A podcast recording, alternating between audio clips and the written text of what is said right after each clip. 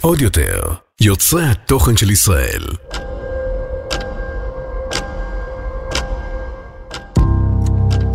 היי, וברוכים הבאים וברוכות הבאות לפודקאסט המעבדה להגשמת חלומות. הפרק הזה מוקלט בחודש ינואר שנת 2024, כשלושה חודשים לאחר אירועי השביעי לעשירי. אלה היו ועדיין חודשים מטלטלים, קורעי לב, מטרידים, מכאיבים, ובעיקר כאלו שמציפים הרבה מאוד שאלות על עתיד המדינה שלנו, כמו גם על העתיד האישי של כל אחד ואחת מאיתנו. אולי אפילו על רשימת החלומות שלנו. אחרי הכל, איך אפשר לחשוב על אה, כיבוש הר מושלג, או על רכישת דירה, או מפגש עם זמר שמעריצים, כאשר הקרקע שלנו שמוטה מתחת לרגליים. ביום שפרצה המלחמה היה ברור לי שהפודקאסט המעבדה להגשמת חלומות יצא לפגרה. איך אפשר בכלל לדבר על חלומות בזמן שאנשים קוברים את יקיריהם? איך אפשר בכלל לחלום? אז יצאתי להפוגה כפויה, ולמרות כל מיני הצעות מצד חברים ואנשי מקצוע, שאני מעריך לשנות את פורמט הפודקאסט, ולשוחח עם ניצולי הטבח, חיילים, אנשי צבא ומומחים, החלטתי להיות נאמן לעצמי ולפודקאסט, ובעיקר לפורמט שלו. אז עד שאחזור לארח אנשים יוצאי דופן שהגשימו חלומות על מנת לשמוע מהם איך הם הגשימו את החלומות שלהם, ובעיקר מה מסתתר ברשימת החלומות שלהם, הפרקים יהיו קצת שונים. יותר פרקי מונולוגים, שיעורים שלי, ואירוח של אנשים מומחי תוכן. יש במגירה גם כמה פרקים שהוקלטו לפני השביעי לעשירי, ואשחרר אותם בקרוב אחרי עריכה קלה והתאמה למצב. אז תכף אני אספר לכם איפה הייתי בשביעי לעשירי, כפי ששואלת פנינה רוזנבלום בשיר שלה, בשיר הקלטי יש לומר, שהוציאה בזמן המלחמה, אבל אני דווקא רוצה להתחיל ולדבר על החלומות שלנו בזמן המלחמה, או ליתר דיוק, לשאול, האם בכלל אפשר לחלום ולהגשים בזמן מלחמה? לפני כמה ימים קיבלתי מייל ממישהי שצורכת את התכנים שלי. היא שאלה אותי בכותרת המייל את השאלה הבאה: האם יכול להיות שהמלחמה רצחה לי את כל החלומות? ולפני שקראתי את תוכן המייל שלה, כבר ידעתי מה התשובה שלי. והתשובה היא, כן. כן, כן, מלחמה לא רק רוצחת אנשים ונפשות, היא גם רוצחת חלומות. אחרי הכל, איך בכלל אפשר לחלום כאשר קוברים אנשים? איך אפשר לחשוב קדימה כאשר ההווה לא ברור? איך אפשר לכתוב רשימה ורודה ומלאה פנטזיות כשאנחנו לא יודעים אם מחר תיפתח הרעה מהדרום או מהצפון או מהמזרח? אז כן, מלחמות רוצחות חלומות, או ליתר דיוק, ממוטטות את הנפש שלנו ואת משולש הצרכים של מאסלו.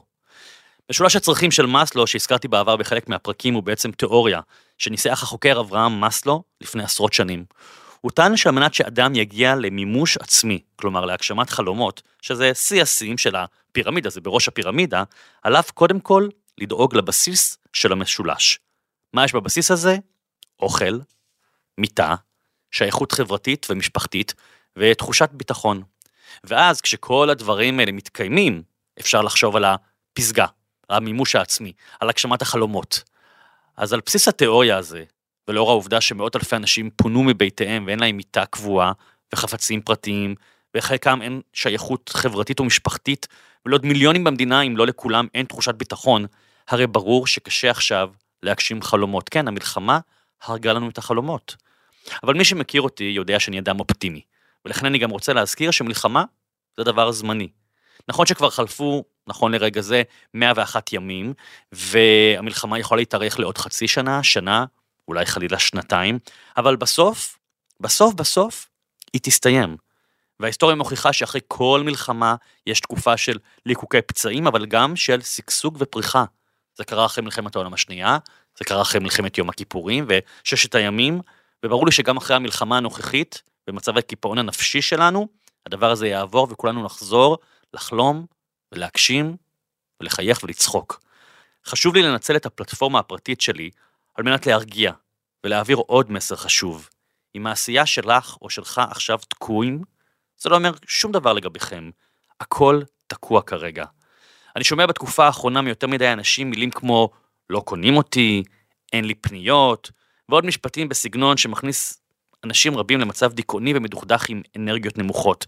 אפילו אני מצאתי את עצמי אומר לפני כמה ימים ככה לעצמי, זהו, נגמרה לך הקריירה, כבר לא רוצים הרצאות שלך, אתה כבר לא מקליט את הפודקאסט, כבר לא באים להרצאות, אבל אז אמרתי לעצמי, ברור, אם יש אנרגיה עכשיו לחשוב על חלומות, לפנטז על חלומות, שכל מי ש... כל מה שאנחנו רוצים זה שפשוט הכל יסתיים. לפני כמה ימים הוצאתי דיבור לרשימת תפוצה מאוד מאוד גדולה של עשרות אלפי אנשים. אני רגיל שכשאני מוציא מייל לרשימת תפוצה ומודיעה להרצאה חדשה, אז מיד נרכשים 50 או 100 כרטיסים. באותו יום נרכשו שני כרטיסים בלבד. אז כמובן שישר אמרתי לעצמי, הנה זהו, הנה ההוכחה, נגמרה לך הקריירה. אבל אז הזכרתי לעצמי שכאמור זה לא אני, זאת התקופה. אז אחרי כמה שעות אספתי את עצמי מהרצפה והזכרתי לעצמי שזה פשוט המלחמה, שאנשים לא רואים כרגע את האופק, שמי מסוגל לרכוש כרטיס להרצאה בעוד חודשיים, שלא ברור מה יקרה בכלל מחר. זאת גם הסיבה שרבים מאיתנו בתקופה הזאת מחשבים כל הוצאה של שקל. אפילו אני, שלרוב, מודה, לא מביט על מחירים בסופרמרקט, התחלתי להשוות מחירים ולהחזיר מוצרים ממחיר מופרז למדף ולחפש לו חלופה. ולמה אני מספר לכם את זה? שוב, על מנת להזכיר שהכל כרגע ב- hold, שיש לנו יותר מדי סימני שאלה מאשר תשובות. קצת כמו בתקופת הקורונה, זוכרים שגם אז הכל היה בהולד, אבל ההבדל הוא שאז בקורונה, שהיה לפני 3-4 שנים, אחרי שיצאנו מההלם, אז האמת שקצת נהנינו. להיות בבית, להיות עם המשפחה, עם הילדים, לראות טלוויזיה, לקרוא ספרים, אבל המצב עכשיו הוא קצת יותר מורכב ושונה. אז uh, חשוב לי לומר את זה. זה לא אתם, זה המצב. והמצב הזה כאמור הוא זמני. השביעי לעשירי הוא ללא ספק אירוע שיחרט בזיכרון שלנו לכל החיים. הוא מתווסף ליום הרצח של יצחק רבין או לנפילת התאומים, כלומר, אירוע מאוד מאוד דרמטי. כל מי שחי באותם הימים זוכר היטב מה הוא עשה ואיפה הוא היה באותו רגע. בשביעי לעשירי אני בכלל הייתי בלאס וגאס. הייתי בסיומה של נסיעת עסקים, חצי עסקים, חצי אישית, לארצות הברית. את הנסיעה קינחתי בהופעה של הזמרת הבריטית אדל. ישבתי בשורה הראשונה באולם העצום, ומצפייה בסרטוני טיק טוק מתוך ההופעה שלה, ידעתי שיש רגע מסוים שהיא יורדת לקהל ועוברת בין חלקים של האולם. ידעתי שזאת תהיה ההזדמנות שלי לנסות להעביר לה עותק של הספר הרשימה באנגלית. אגב, בכל נסיעה שלי בעולם אני דואג שיהיה לי בתיק עותק של הספר הרשימה באנגלית או בצרפתית, שמא אני אפגוש אנשים רלוונטיים שיכולים לקדם אותי. אז לקחתי את הספר איתי להופעה, צירפתי מכתב בו סיפרתי לאדל על החלום שלי לראות הופעה שלה, וגם כתבתי לה שאין לי ספק שהיא הגשימה את החלום הכי גדול שלה, להיות זמרת. אבל לפעמים דווקא כשעסוקים בהגשמת חלום כל כך גדול, שוכחים את החלומות הקטנים. לבשתי חליפה חגיגית, ויצאתי להופעה, רק על מנת לגלות שאני יושב ממש ממש מתחת לבמה. אדל עלתה לבמה, יפה ומרשימה עם קול אלוהי שנשמע בדיוק כמו בהקלטות, אולי אפילו מרשים יותר. ואחרי Easy on me והלו ועוד כמה להיטים, היא צעדה ממרכז הבמה אל הצד הימני בו אני ישבתי. זה היה הרגע שלי לפעול. או אם תרצו, לנצל את ההזדמנות. הרמתי את הספר לאוויר, חייכתי חיוך גדול, ובזמן שאדל צעדה לעברי, פשוט הנפתי את הספר באוויר וסימנתי לה עם העיניים שזה בשבילה. ואדל, היא חייכה, נפנפה לי לשלום, לקחה את הספר ופשוט רקדה איתו במשך שלוש דקות על הבמה. אגב, תיעוד לרגע הזה אפשר למצוא בחשבון הטיק טוק שלי, חפשו בין שלל הסרטונים שאני מעלה. האם אדל קרא את הספר? אין לי מושג. האם אדל תקרא את הספר? אין לי מושג. האם אדל בכלל לקחה את הספר הביתה? אין לי מושג. אבל אולי כן, ואולי לא. יכול להיות שהיא לקחה אותו לביתה, הניחה אותו בארון הספרים, ואולי בעוד שלוש או ארבע שנים, כשהיא תחפש איזה ספר לקרוא בבריכה הפרטית שלה, היא תיקח אותו. תקרא אותו וכל כך תתלהב, שהיא תמליץ עליו ברשת החברתית או לחברות מפורסמות שלה. יכול להיות שאולי תעניק אותו לבן שלה המתבגר, והוא כל כך יתלהב, ואולי הוא יכתוב על זה באינסטגרם שלו. ואולי גם כלום מזה לא יקרה. אני לא יודע, אבל אני יודע שפעלתי. ואני אוהב לפעול. אני אוהב לפעול כי כשאני פועל, אני מרגיש שאני חי. בטח בימים כל כך מורכבים, כמו המלחמה, שבהם מרגישים שהכל פשוט תקוע. ולכן חשוב, למרות הימים הכל כך מדכדכים שאנחנו חווים במלחמה, לפעול, לעשות, לחלום, וכן, גם אולי לנסות לכתוב רשימה חדשה של חלומות. אגב, אם אתם עוקבים אחרי הפודקאסט הזה, או לחילופין נתקלים בו בפעם הראשונה, אני מפנה אתכם לפרק הראשון, שבו אני מסביר איך כותבים רשימה של חלומות. אבל הרגע המרגש הזה עם אדל התחלף תוך פחות מדקה ברגע של זוועה. בזמן שאני הייתי בהופעה של אדל, החלה המתקפה הרצחנית על ישראל. בזמן שאני שלחתי תמונות וסרטונים לחברים שלי, קיבלתי עדכון נוראי מחברה שגרה בקיבוץ רעים על גבול עזה, והיא כתבה לי, יובי, דביר נרצח הרגע. הילדים איתו בממ"ד, ואני לא בבית. אני לא יודעת איך לחלץ אותם. באותו הרגע כל האנרגיה שלי השתנתה. רציתי לחזור הביתה, לישראל, לבנות שלי שנותרו בארץ. אבל הדרמה לא הסתיימה משום שקיבלתי הודעה מחברת התעופה האמריקאית, שהייתה אמורה להטיס אותי לתל אביב, שהטיסה מבוטלת. הייתה לי טיסה לעוד יומיים, והטיסה כמובן בוטלה. אז עכשיו, בנוסף להכל, הייתי תקוע בלאס וגאס הפלסטית, עיר די משעממת לטעמי, 16 שעות מרחק מישראל, בלי אפשרות לחזור לארץ המופגזת, למשפחה שלי. אז במבצע אינטרנטי, שלא היה מבייש סוכן נסיעות מדופלם, הצלחתי לרכוש ארבעה כרטיסי טיסה שונים, על מנת לטוס מווגאס לשיקגו, משם לדנבר, משם למינכן, ומשם לאתונה, שזה היה הכי קרוב לישראל באותם הרגעים. הגעתי לבית המלון באתונה והתקשרתי לבנות שלי, שחצי לא הבינו כמו כולם את גודל האירוע והשעה, והיו קצת גם בלחץ, באופן טבעי, גם אני. אמרתי להם, אני תקוע באתונה עד שיהיו טיסות לישראל. אולי תגיעו לכאן, נהיה פה כמה ימים עד שנבין מה קורה.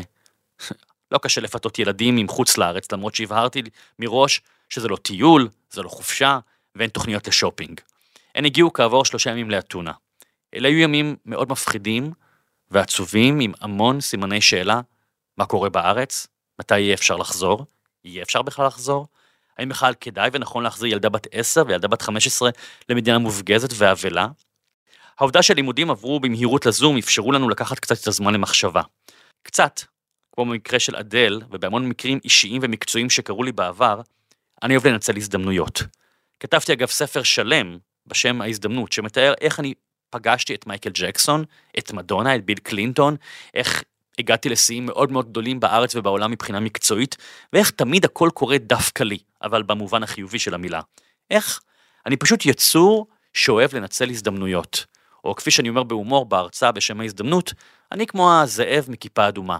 יש לי אוזניים גדולות, יש לי פה גדול, יש לי אף גדול, יש לי עיניים גדולות, ובשנים האחרונות גם יש לי בטן גדולה.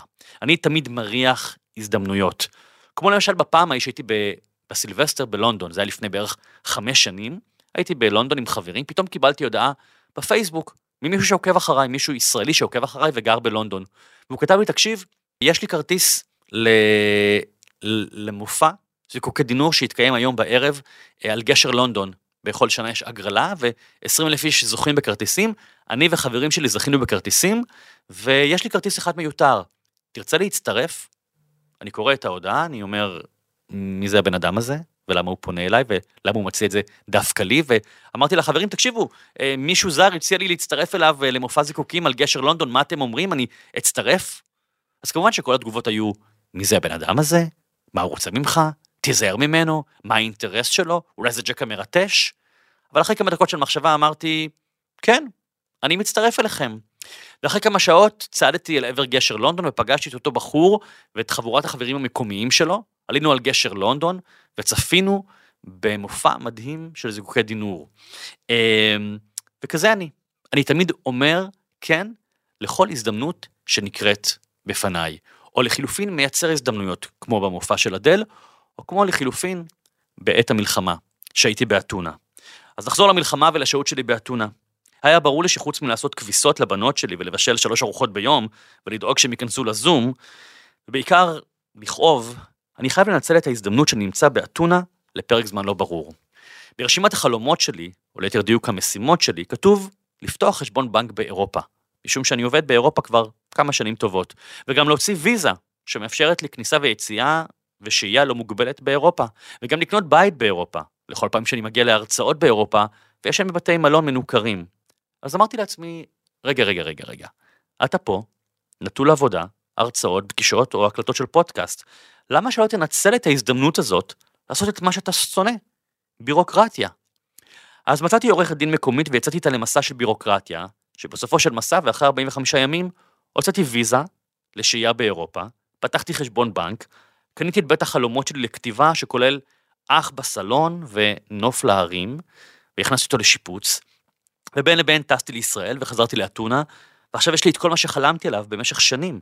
את כל הדברים שחלמתי עליהם, ואם הייתם אומרים לי למשל לפני שנה, תשמע יובל, תעצור את החיים שלך ל-45 ימים, ואז יהיה לך ויזה וחשבון בנק באירופה ובית לכתיבה, הייתי אומר לכם שאין סיכוי שיש לי ילדות, שיש לי עבודה, שהיומן שלי מפוצץ בהרצאות ופעילות, אבל המלחמה הארורה הזאתי, שעצרה לי את העבודה, כמו להרבה מאוד אנשים, יצרה עבורי גם הזדמנות, ואני ניצלתי אותה. וזה אולי חלק מהמסר שלי, לומר לכם שכן, המלחמה אולי עוצרת לנו את החלומות, אבל היא מייצרת לנו גם כל מיני הזדמנויות. אגב, כמו בקורונה, שפתאום כולם שיפצו את הבית, החליפו טלוויזיה, למדו לבשל, למדו להכיר את הילדים שלהם.